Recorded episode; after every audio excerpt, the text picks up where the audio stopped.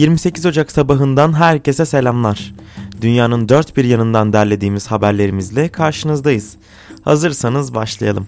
Estonya dünyada hem Cumhurbaşkanının hem de Başbakanının kadın olduğu ilk ülke oldu. Estonya'da eski Başbakan Yuri Ratas'ın yolsuzluk iddiaları nedeniyle istifa etmesinin ardından Kaya Kallas adaylığının onaylanmasıyla beraber Estonya'nın ilk kadın başbakanı oldu. Baş edecekleri ilk şeyin koronavirüs ile mücadele olacağını belirten Kallas, hedefimiz Estonya'yı mümkün olduğunca kısa sürede açmak. İnsanlar işe, çocuklar okula gidebilsin ve ekonomik faaliyetler sürsün istiyoruz dedi. Samsung 2023 yılına kadar Teksas'ta 10 milyar dolarlık bir çip fabrikası kurmayı düşünüyor. Bu yatırımla birlikte Amerikalı müşteri portföyünü genişletmeyi planlayan Samsung, sektör lideri Taiwan Manufacturing'i yakalamayı hedefliyor.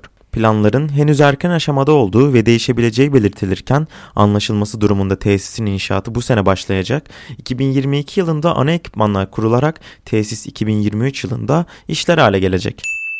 Twitter, yanlış bilgiler ve gerçek dışı haberlere karşı gönüllü katılımcı bir araç olarak tasarladığı Birdwatch özelliğini tanıttı. Yapımının ilk aşamalarında olan Birdwatch özelliği ile kullanıcılar yanıltıcı bilgileri fark edip bu paylaşımlara alternatif bilgi paylaşımı yaratma amacıyla not yazabilecek. Henüz deneme aşamasındaki Birdwatch sayesinde paylaşımlara yanlış bilgi içerdiğini düşünüyorsanız paylaşıma not düşün şeklinde bir ibare eklenecek. Birdwatch özelliği şimdilik sadece ABD'de kullanıma sunulacak.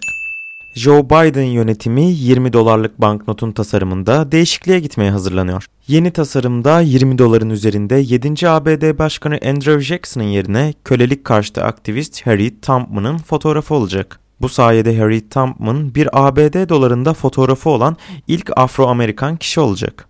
20 dolarlık banknotun Tampman ile yeniden tasarlanma projesi ilk olarak eski başkan Obama yönetimi tarafından ortaya atılmıştı.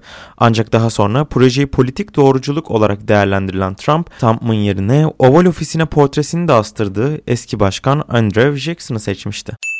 Portekiz'de özel okullarda uzaktan eğitim fırsat eşitsizliği yaratması nedeniyle en az 2 hafta yasaklandı. Ülkede vakaların tekrar artması nedeniyle okullar için 2 haftalık tatil kararı alınmıştı.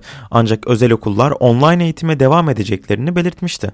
İktidardaki Sosyalist Parti'ye göre uzaktan eğitim yasak kararı diğerlerinden daha iyi olanaklara sahip çocukların devlet okullarında okuyan yoksul öğrencilere karşı avantajlı hale gelmesinin önüne geçmek için alındı. Velilerin karşı imza kampanyası başlattığı hükümetin bu kararını eleştiren Merkez Sağ Sosyal Demokrat Parti'nin lideri Rui Fernando, özel okullarda dijital eğitimin yasaklanmasının totaliter ve Marksist rejimlerde görülebilecek bir uygulama olduğunu söyledi. 11 Ekim 2013'te Akdeniz'de yaşanan ve 60'ı çocuklardan oluşan 268 kişinin hayatını kaybettiği olayla ilgili Birleşmiş Milletler'den önemli bir açıklama geldi. Birleşmiş Milletler İnsan Hakları Komitesi 268 kişinin hayatını kaybetmesinin sorumlusunun İtalya olduğunu tespit etti. Komite yaptığı incelemede İtalya'nın tekneden gelen yardım çağrılarına uzun süre yanıt vermemesi ve yardım etmekte gecikmesinin 268 kişinin ölümüne neden olduğunu açıkladı.